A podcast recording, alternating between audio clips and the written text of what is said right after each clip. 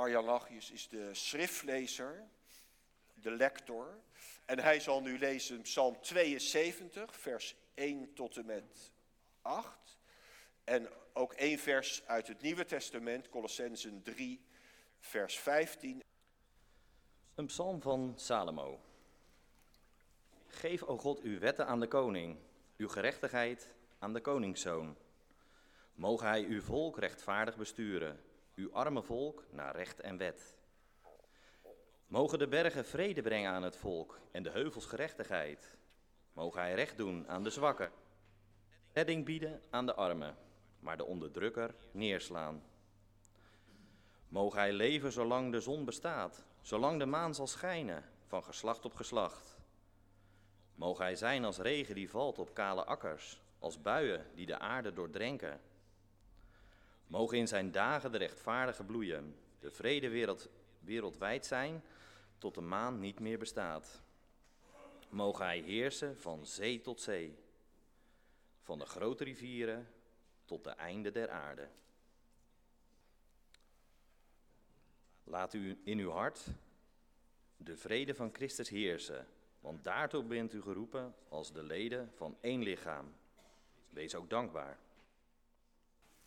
Gemeente van Christus hier in de Witte Kerk en allen die thuis meedoen via de livestream.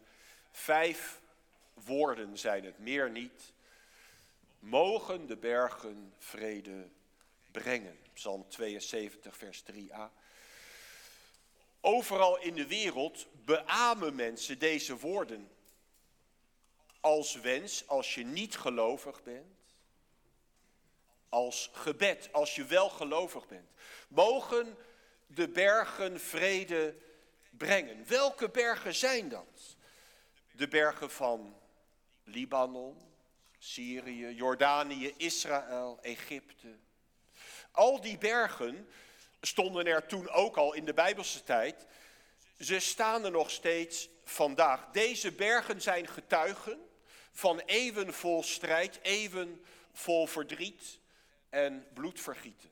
Mogen de bergen vrede brengen in heel dit gebied en in heel deze wereld.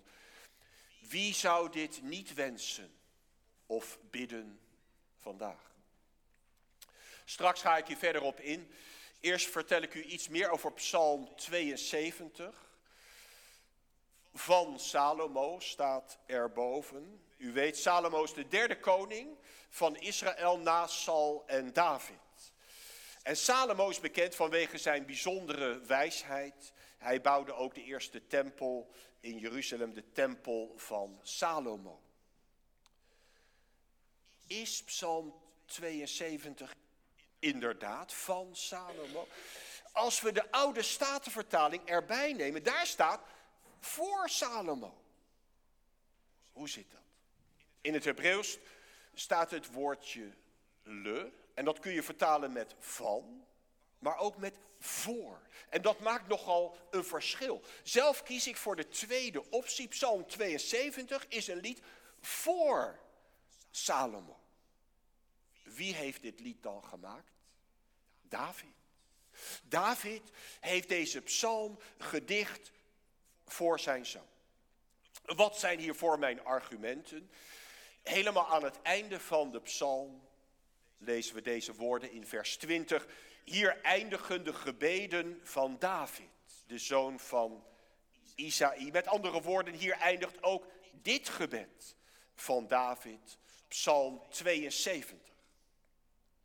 In de middeleeuwen leefde een beroemde Joodse bijbeluitlegger, Kimchi. En deze Kimchi zegt, David heeft Psalm 72 geschreven op zijn sterfbed voor zijn zoon Salomo. Hoe weten we dat? Kijk maar naar vers 2, zegt Kimchi, waar David bidt, geef, o God, uw gerechtigheid aan de koningszoon. En wie is deze koningszoon? Salomo. Ik ben het hiermee eens. Psalm 72 staat vol met gebeden van David voor zijn zoon Salomo. Moog hij recht doen aan de zwakken redding bieden aan de armen, vers 4. Mogen hij uw volk rechtvaardig besturen naar recht en wet, vers 2. Een psalm vol gebeden voor de nieuwe koning. De ene wens nog mooier dan de andere. Zijn deze gebeden uitgekomen? U weet, bijna alle koningen van Israël gaan de mist in. Ze doen niet wat goed is in de ogen van de Heer, maar wat kwaad is. Sal gaat de mist in. En ja, ook David, hij wordt een mens naar Gods hart genoemd. Ook hij zondigt voor de Heer. Hoe loopt het af met Salomo? Wordt het gebed van David voor zijn zoon verhoord? Salomo is de zoon van David. Maar wie is de zoon van Salomo? De zoon van Salomo heet Rehabeam. Rehabeam volgt zijn vader Salomo op als koning. Mensen die Salomo hebben meegemaakt als koning gaan naar Rehabeam toe met een verzoek. We lezen dat in 1 Koningen 12 vers 4. O koning, wij hebben een verzoek aan u. Uw vader Salomo heeft ons een zwaar juk opgelegd. Verlicht het juk waarmee uw vader ons heeft belast. Dan zullen wij u dienen. Hier schrik je van. Was het zo erg onder koning Salomo? Deed hij recht aan de zwakken? Bood hij redding aan de armen? waar de psalm om vroeg. Nee, volstrekt niet. Ook Salomo hoort bij die lange rij leiders, koningen, regeerders die falen, de belofte niet waarmaken, het volk niet verheffen, maar onderdrukken. Wat nu? Wat moeten we met Psalm 72? Joodse uitleggers roepen in koor, het is een Messiaanse psalm. Deze psalm gaat over de Messias. En ook christelijke uitleggers roepen in koor, deze psalm gaat over de Messias, namelijk Jezus onze Heer. Mogen Hij leven zolang de zon bestaat, zolang de maan zal schijnen. Mogen in Zijn dagen de rechtvaardige bloeien, de vrede wereldwijd zijn tot de maan niet meer bestaat vers 5, vers 7. Jezus is gekomen. Wij christenen eren hem als Messias, de heiland. Alleen, waar is dan zijn rijk? Waar is dan zijn vrede vandaag in de landen van het Midden-Oosten, Libanon, Syrië, Israël, Jordanië, Egypte, Gaza? Waar is zijn shalom? Shalom, vrede, betekent meer dan een staakt het vuren. Hoewel je daar vandaag al heel blij mee zou zijn. Met een staakt het vuren. Shalom wil zeggen vrede tussen de mensen, harmonie, welbevinden, broederschap, zusterschap, eten, drinken, rust. Niemand komt tekort, niemand wordt tekort gedaan. Iedereen hoort erbij, iedereen telt mee. Dat is shalom. Kortom, al die mooie gebeden van Psalm 72. Ze staan nog steeds recht overeind. Voor Joden, maar ook voor christenen. We kijken uit naar het Messiaanse Rijk. Het Koninkrijk van God als de bergen vrede brengen. Ik neem u nog één keer mee naar de oude statenvertaling. Mogen de bergen vrede brengen, dat is onze tekst. Vijf woorden die resoneren in de harten van mensen in de hele wereld op dit moment. Als wens en als gebed. Maar wacht even, wat zegt de oude statenvertaling? De bergen zullen vrede dragen. Hoort u het verschil? Onze NBV-vertaling zegt, mogen de bergen vrede brengen. De Statenvertaling zegt, de bergen zullen vrede dragen. De een heeft een wens of gebed en de ander een belofte. En dat is nogal een verschil. Hoe zit dat? Het Hebreeuws kun je op twee manieren lezen, als wens of als belofte. Kies zelf maar.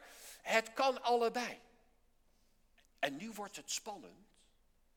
Ik wil ze namelijk allebei laten staan. Het gebed, mogen de bergen vrede brengen, maar ook de belofte, de bergen zullen vrede dragen. Ik laat ze allebei staan. Waarom?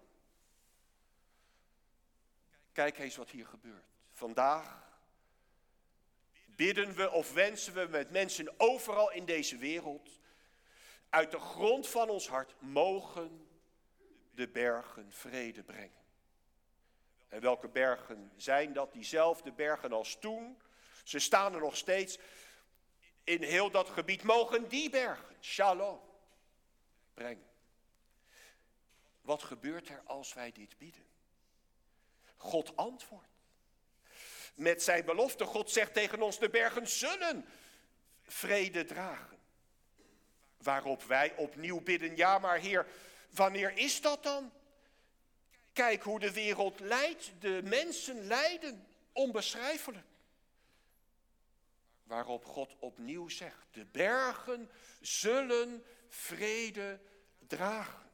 En, en wij weer bidden, maak dit waar, Heer. Wij pleiten op uw belofte, uw eigen woord. Wij bidden met heel ons hart, vervul uw belofte in onze dagen. Hoort u wat hier gebeurt? Een over en weer van belofte en gebed en van gebed en belofte als een tweespraak. Het een versterkt het ander. Door de belofte wordt het gebed opgeroepen. Heer, waar blijft u dan met uw vrede? Bidden op grond van de belofte. Dat is wat hier gebeurt.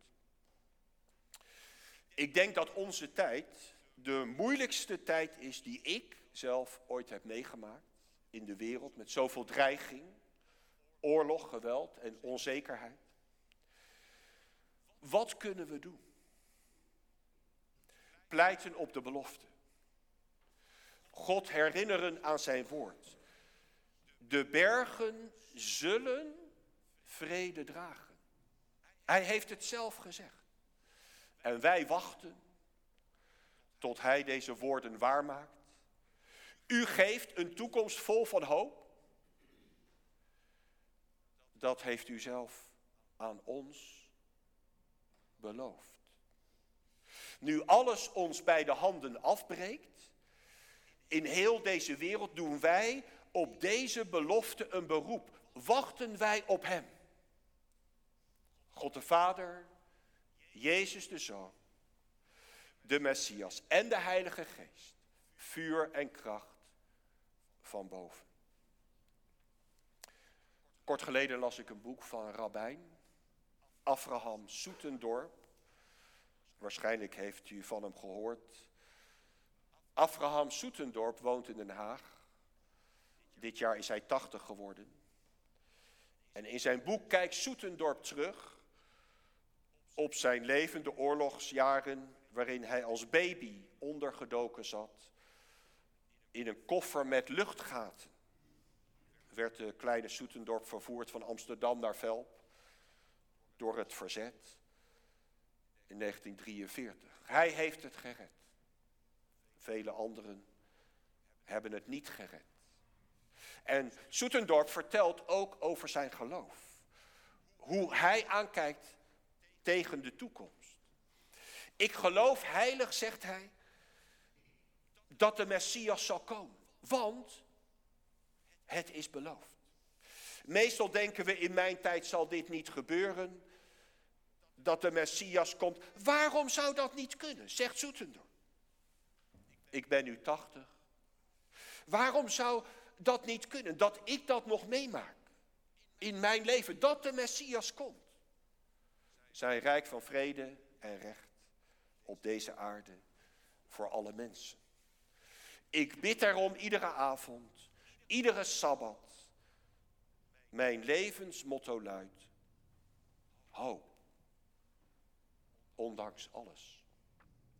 En dat zijn woorden die wij vandaag oppakken en meenemen als wij straks naar huis gaan. Of al thuis zijn bij de livestream. Wat zal deze week ons brengen, of de week daarop, aan strijd en zorgen, hoop, ondanks alles? Die woorden dragen we mee in ons hart in de tijd die komt. En daarnaast worden wij allemaal uitgenodigd om mee te doen met het gesprek met God. God geeft zijn belofte. De bergen zullen vrede dragen. En dan begint het gesprek. Ja, Heer, maar wanneer en hoe? Kijk naar uw wereld, kijk naar uw mensen. Mogen de bergen vrede brengen? Waarop God opnieuw zijn belofte geeft. De bergen zullen vrede dragen. En dit gesprek over en weer, vurig en met passie, is onze levenslijn in deze tijd. Onze reddingsboei. Een gesprek dat we beslist moeten voortzetten. Juist nu. Totdat de vrede komt. Shalom. Voor alle mensen in alle gebieden. In alle landen. Amen.